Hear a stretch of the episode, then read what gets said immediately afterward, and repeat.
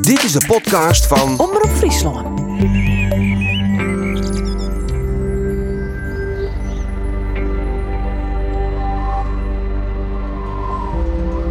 Ik ben Annette Huisman, documentairemaker bij Friesland Doc.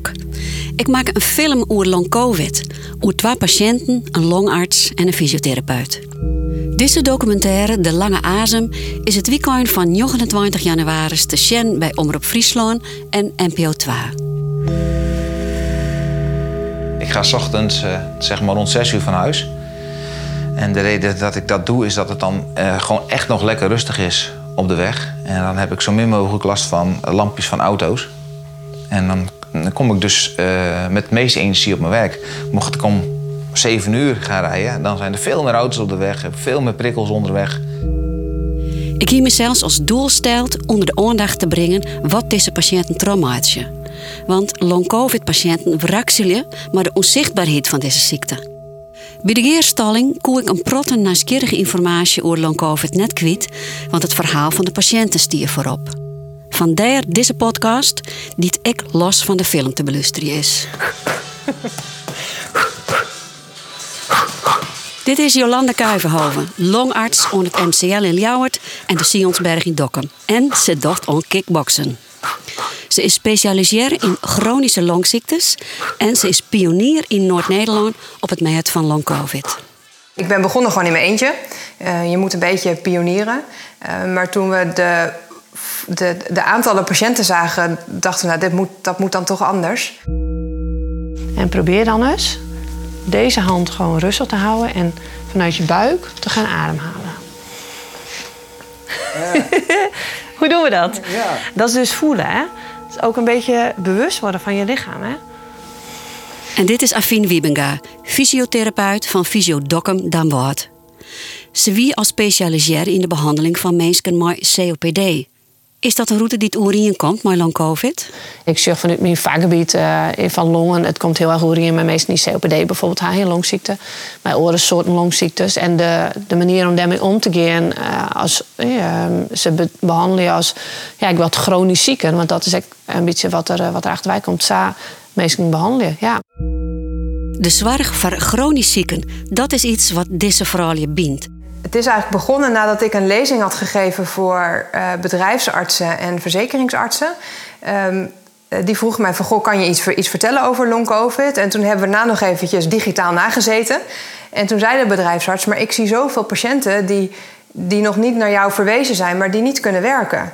Uh, wat kunnen we met die groep? En toen zijn we begonnen van, we gaan een zorgpad ontwikkelen voor de eerste en de tweede lijn. Om die patiënten gewoon, ja, dat je ook maar weet wat er is.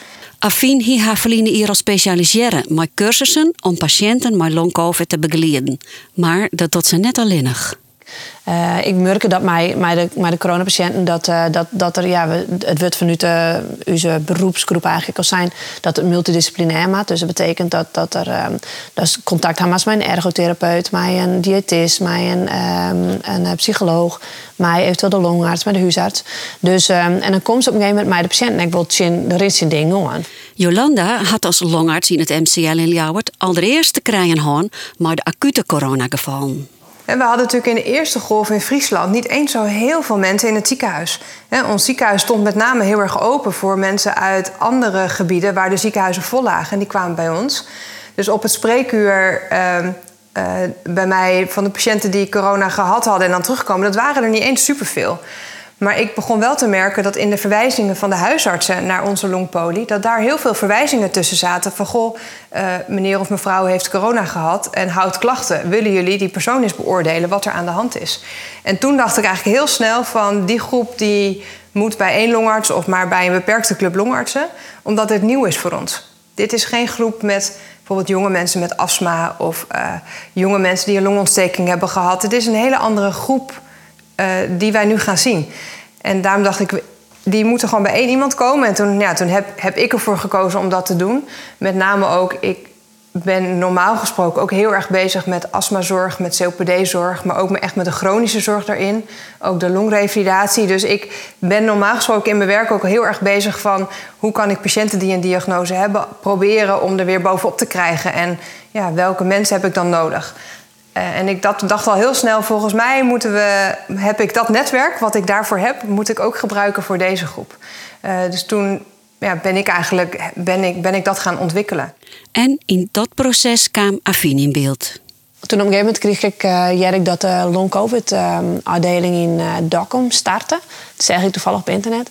En um, ik hier sowieso een vraag van, uh, van Jolanda, van de longarts. Toen dacht ik, nou, ik bel je even. Toen zei ze tegen mij, Afien, kom eens even langs. Dan kunnen we zijn praten.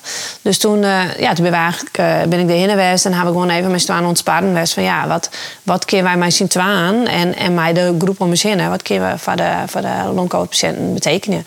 En uh, vanuit daar is eigenlijk wat een samenwerking. en samen een ergo, een diëtist, met de longarts, met de huisartsen. Eigenlijk een beetje een groep ontstaan. En ik merk wel dat dat voor de long-covid-patiënten echt heel belangrijk is. En dus nou dan, ik kijk een ademtherapeut, die helpt mij de ademhaling en uiteindelijk hebben we het nog breder getrokken. He, zijn we heel Friesland breed gaan, gaan kijken van hoe, uh, hoe kunnen we ervoor zorgen dat de Friese patiënt in alle ziekenhuizen dezelfde zorg krijgt. Uh, dus ben ik met name ook heel erg bezig geweest met een collega uit uh, Heerenveen, van de Koning, een longarts daar, en met de revalidatieartsen. om, ja, om zo snel mogelijk een zorgpad te creëren voor deze mensen.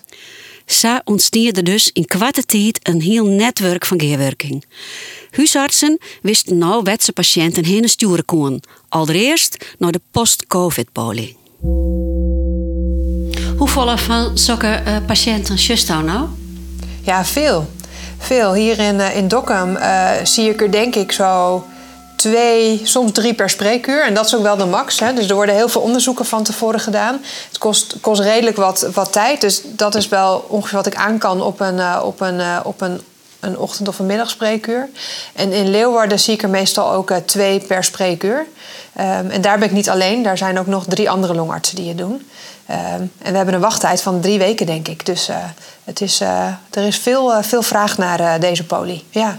En Afien, hoeveel long-covid-patiënten hast je in die praktijk? Want nota? Goeie vraag. Een stuk of ja, 50? Wol, denk ik. Ja. Ze komen en gaan, dus ja. Ja. In hoeveel tijd hebben we het dan hoor? Nou, eigenlijk al rond een uur. Ja. ja, ik denk als er nog meer, maar ik ze tellen. Maar uh, ik had er momenteel wel een stuk of uh, 20, 30 sowieso. Een aantal thuis aan hoes. Hè, want ik had natuurlijk ook nog een aantal mensen die, uh, die HPIC-lijn, sommigen die coma-lijn. En die mensen die revalideren eerst thuis. Die ben vaak al naar een revalidatiecentrum geweest en komen dan thuis. En dan komen wij er vaak twee keer in de week om, om ze te helpen. En dat ben ik wel, ja, het is wel een dreig proces, want het is net samen kleer. Die mensen die, die stenen op en hun saturatie, het zuurstof in hun bloedzak, het ligt naar je 80. Dus die mensen die hebben gewoon heel veel tijd nodig om, om echt bewust te worden en dingen gewoon heel langzaam te doen. Ja, ja. Dus die komen er nog bij.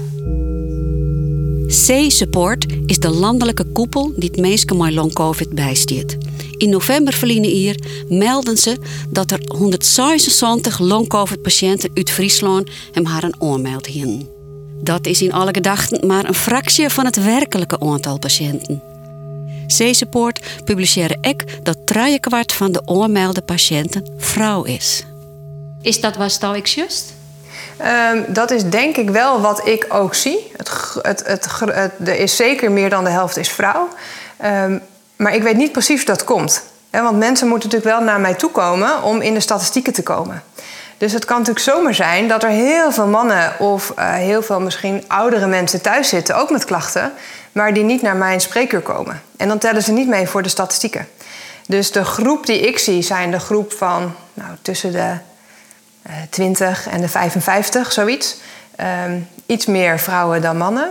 Uh, maar ik weet natuurlijk niet wie, wie van die groep die ik natuurlijk niet zie, die gewoon wel thuis met klachten zit. Um, uh, in, in welke mate het dan voorkomt. Het lijkt alsof het in de iets jongere groep iets vaker voorkomt dan de groep die ietsje ouder is. Maar of dat komt omdat de oudere groep misschien iets makkelijker aanpast aan, aan, aan de klachten, dat weten we nog niet zo goed. Afien zocht wel beduidend meer vrouwen als Malia in haar fysiotherapiepraktijk. Ja, nou ja, ik zie toch wel het merendeel vrouw. En een uh, vrouw tussen de, nou ja, ze is met de 30 en de, en, de, en de 60 hier. En uh, we zeggen wel dat er wel uh, op een of andere manier schijnbaar ergens een trigger is van vrouwen bijvoorbeeld. Binnen ik woon een aantal man, ja, maar vrouwen die gewoon die heel, die het heel druk gaan. Die staan in het leven en die gaan een jong gezin of wat een ouder gezin werken, hebben volle verantwoordelijkheden. Um, staan toch ja, heeg in hun, hun belasting. En um, het lijkt dat, dat deze mensen het krijgen, dat ze toch ja, op een of andere manier binnen om ek die COVID terug te komen, maar dan ook long COVID erom uit te. Dat is wel wat ik je zeg. Een aantal mensen die toch op hun grenzen al rond. En dan uh, dit erbij krijgen ziek worden. En dan moeilijk er weer bovenop komen. Kun je een beetje mij schetsen? Uh, waar, waar, is die uh, long-covid-patiënt? Wat just? Um, nou, wat zie ik? heel wisselend, moet ik eerlijk zeggen. Heel wisselend. Ehm, je hoort heel vaak dat mensen last hebben van moeheid. En echt veel meer moeheid dan dat ze voorheen hadden. Um, ook vaak dat mensen moeite hebben met concentreren of met het geheugen. als ze bijvoorbeeld um, zinnen maken, dat ze halverwege niet meer weten waar ze het nou precies over hadden of waar ze, waar ze heen wilden. Um, maar ook wel mensen die slecht slapen of die heel angstig worden. of weinig begrip hebben van de omgeving, dat ze zich niet goed voelen en daar dan een beetje ja, tegenaan vechten als het ware.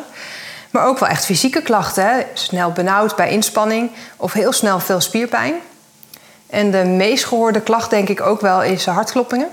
Dat mensen heel snel bij weinig inspanning een hele hoge hartslag hebben. Um, en de laatste denk ik het uh, langdurige afwezigheid van smaak en reuk. Dat is een veel gehoorde klacht en ook echt een heel vervelende. En Afien, hoe is je stal vanuit die vakgebied naar long covid?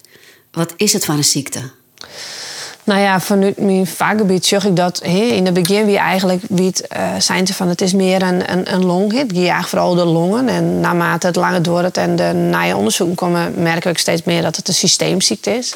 En dat uh, de, de, het virus, het COVID zelf, op verschillende plakken in het lichaam uh, ontsteekt in en, en het ompakt.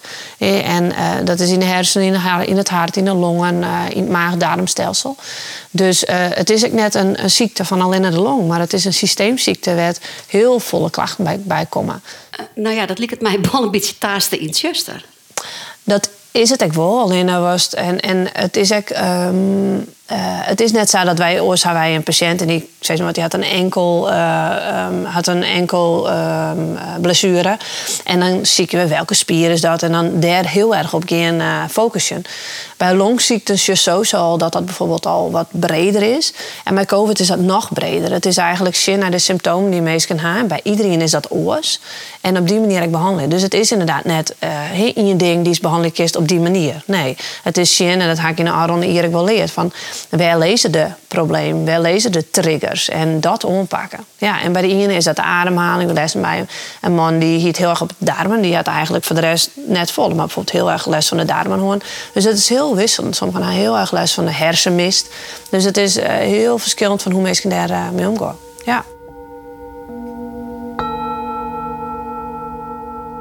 Kies nog even een geervetje uh, welke onderzoeken mensen terugrennen voordat ze hier bij uh, aan tafel komen? Ja, ja, zeker. De huisarts meldt de patiënt aan op de post-covid-poli. Um, en dan krijgen ze een programma wat we samengesteld hebben. En dat doen we dus hier in Dokkum, maar dat doen we ook in Leeuwarden. Maar dat kan ook in Drachten en in Sneek en in Heerenveen. We hebben geprobeerd om in heel Friesland hetzelfde programma uh, aan patiënten te geven dan krijgen ze een uitgebreid bloedonderzoek, waarin ik kijk naar gewoon het bloedgehalte, de ontstekingswaardes, nierfunctie, de lever kijk ik naar, ik kijk naar de schildklier en de vitaminestatus.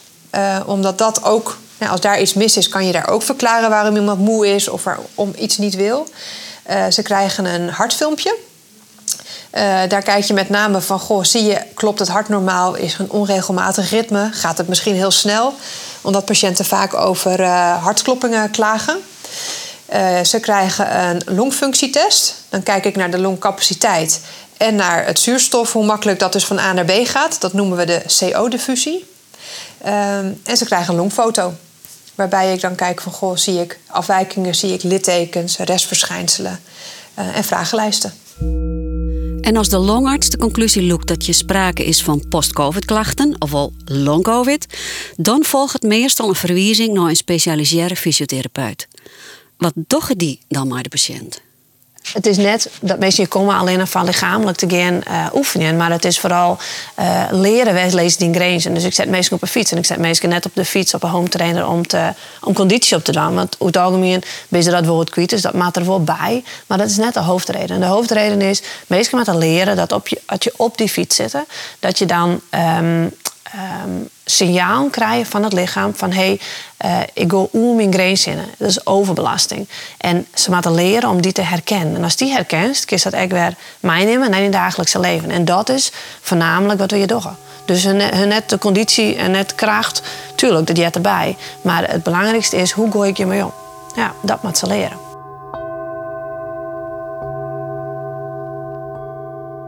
Bij een gruttal mensen, maar soms best ernstige klachten, toch blijken dat er maar de longen zelfs heel dan niet mis is.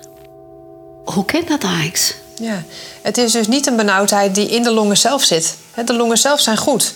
Eh, de, de longfunctie is goed, de inhoud is goed, de capaciteit is goed, zuurstof is prima.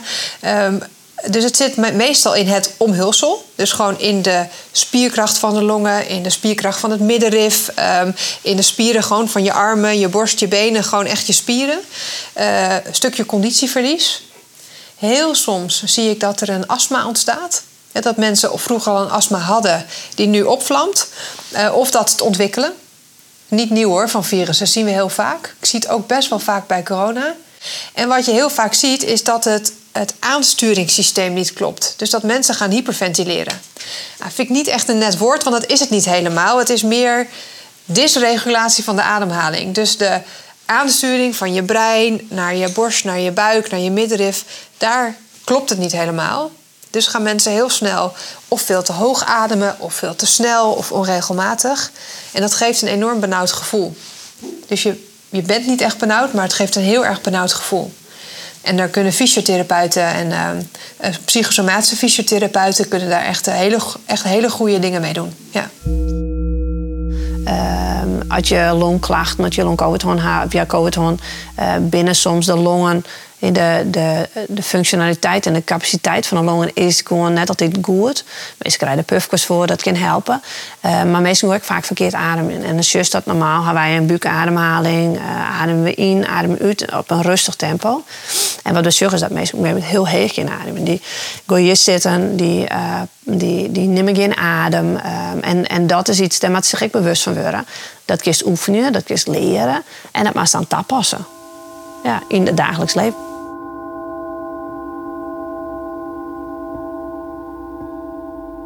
Benauwdheid is een van de meest voorkomende klachten. Verder bereikt jullie een protolong covid patiënt mentaal maar de gevolgen van deze ziekte. Ik doe bij iedereen altijd een vragenlijst, zowel voor een benauwdheidsscore eh, als ook voor een score voor angst en depressie.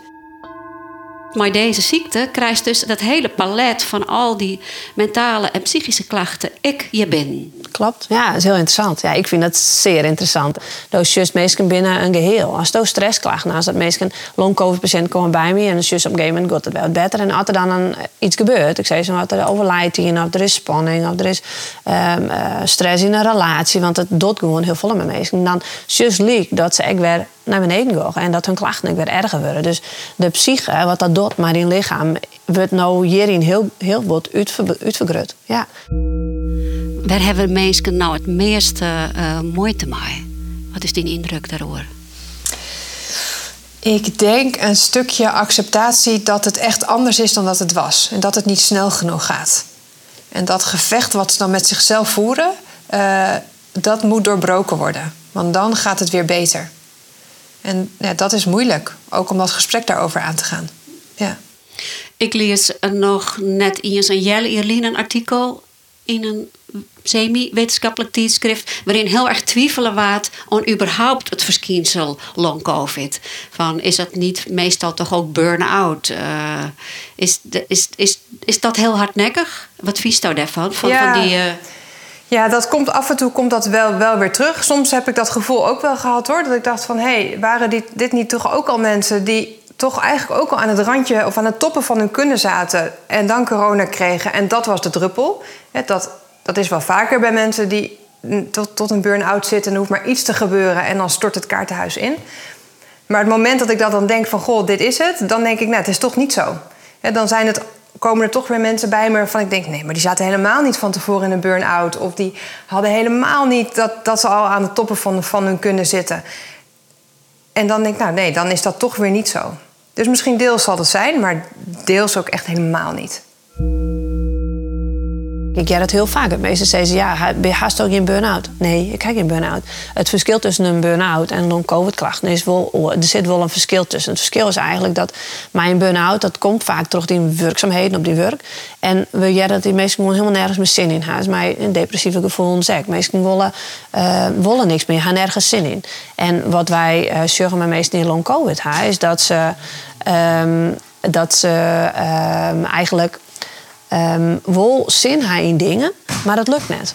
Dus ze willen graag wel uh, on het werk, ze willen graag in hun gezin de ding doen, maar ze krijgen het voor elkaar. En terug, dat is dan natuurlijk, moet je je voorstellen, dat is dan uh, best altijd actief en ineens kist kist eigenlijk, nou ja, 90% eh, net meer dan zoals dorst. Ja, ik zou direct uh, uh, neerslachtig gaan worden. Ja, dus dat is eigenlijk, en dat is wel belangrijk om dat wel te melden. Want het is, uh, um, we, net zoals mensen zeggen, ja, maar door hast een burn-out. En dan is er weinig begrip, hè? dus dat is heel lastig.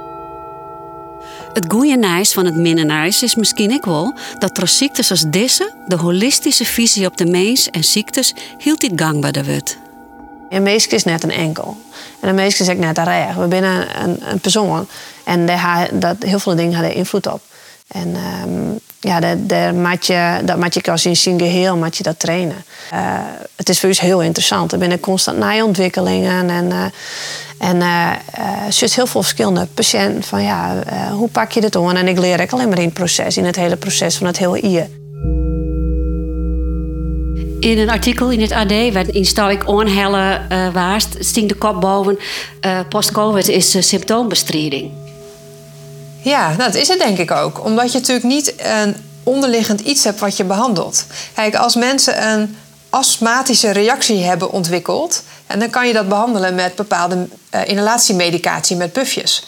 Uh, en als je dat dan behandelt, ja, dan gaat het over.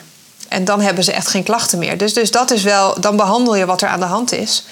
Maar wat we verder doen is vaak naar de fysiotherapie, naar de ergotherapie, naar de psychologie. Uh, een stukje acceptatie dat het even niet anders is dan dat het nu is. En dat is natuurlijk een soort van symptoombestrijding. Um, maar het is het beste wat we hebben. Dus daar doen we het mee. Ja, we weten daar eigenlijk nog gewoon net genoeg van. De, de onderzoeken binnen van ja, hoe, hoe komt het? Waarom, waarom krijgt de in het ook? Waarom krijgt de oor in, het, in hetzelfde gezin het bijvoorbeeld net? Waarom binnen uh, onder meer vrouwen en bijvoorbeeld in het ziekenhuis bij de IC meer mannen? Is het weer dat mensen die op de IC liggen minder kans hebben om long te krijgen dan mensen die thuis uitzicht hebben? Ja, nee, ik denk het niet helemaal. Nee, uh, als ik nu naar mijn populatie kijk van de mensen met long COVID die ik nu behandel, dan is een deels heeft in het ziekenhuis gelegen. Uh, of op een intensive care of gewoon op de, op de COVID-afdeling. Maar het grootste gedeelte van de patiënten die ik zie, dat zijn de patiënten die gewoon thuis corona hebben gehad. En vervolgens dus klachten houden en op mijn spreekuur komen. Um, en wie dan meer klachten heeft of wie dan andere klachten heeft, daar, ja, daar kan je eigenlijk nu nog geen zinnig woord over zeggen. En daar zijn, zijn ze wel mee bezig hoor, om dat te onderzoeken. Uh, maar daar heb je heel veel patiënten voor nodig. Um, en ja, dan moet je gaan kijken van hoe ziek zijn ze geweest? Wat hadden ze allemaal al, eerder misschien meegemaakt in hun leven? Hoe was, het, hoe, was hun, hoe was hun fysiek eraan toe? Hoe waren ze er mentaal van tevoren aan toe? Ja, dat, daar heb je heel veel data voor nodig om daar uiteindelijk achter te komen. Um, maar ik zie ze allebei. En ze kunnen allebei net zoveel klachten overhouden. Wist er maar onderzoek daarmee? Of is er een groot onderzoek oorgaande? Ja, ja, zeker. Er wordt vanuit de academische centra, uh, geïnitieerd vanuit Groningen bij de Lifelines onderzoeken, maar ook vanuit het Radboud Universiteit in uh, Nijmegen en het, het Erasmus ziekenhuis in uh, Rotterdam. daar zijn een aantal hele grote, ook vanuit het RIVM gestuurde onderzoeken nu bezig. Met name van eerst van hoe vaak komt het voor? Dat is denk ik één. En dan als het voorkomt, wat voor categorie mensen hebben we dan mee te maken? En we hebben nu natuurlijk bedacht welke behandeling we denken dat het beste is, maar klopt dat dan ook?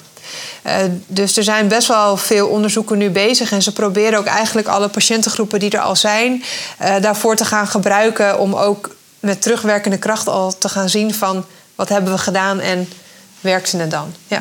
En daar ben ik ook nu, uh, vanuit Groningen, ben ik daar nu ook bij betrokken. Dus dat is wel, uh, wel heel erg leuk. De Omicron-besmetting is nou correct op zijn hichtepunt.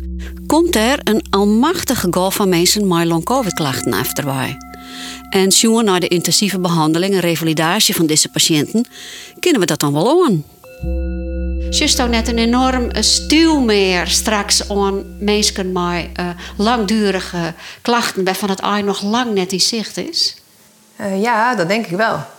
Ja, want de, de, de gedachten zijn een beetje dat van de besmettingen ongeveer 10% van de patiënten langdurige klachten houdt in meer of mindere mate. En die zullen niet allemaal bij mij komen.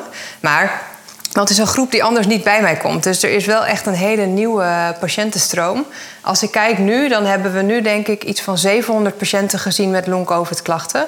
En dat zijn dan ook mensen erin die dan uh, voor de controle komen na de opnames. Uh, maar dat zijn er natuurlijk best wel veel. En dat is een groep die we anders niet, niet gezien hadden. En dat kan ik ook niet in mijn eentje. Dat, dat doe ik in, in Leeuwarden doe ik dat samen met nog vier andere collega's. En in Dokkum doe ik dat dan doe ik dat wel in mijn eentje. Je dat die teams het, het, het aankennen, nou en in de toekomst? Uh, ja hoor, dat denk ik wel. Ja. En misschien moeten we dan of nog extra poli gaan doen... of uh, je besluit het om anders in te richten. Uh, ik denk wel dat we die patiënten kunnen blijven zien. Ja hoor. Alleen misschien niet zoals we dat nu misschien altijd doen... of niet met de tijd die er nu altijd voor staat. Um, maar daar, daar verzinnen we wel wat op.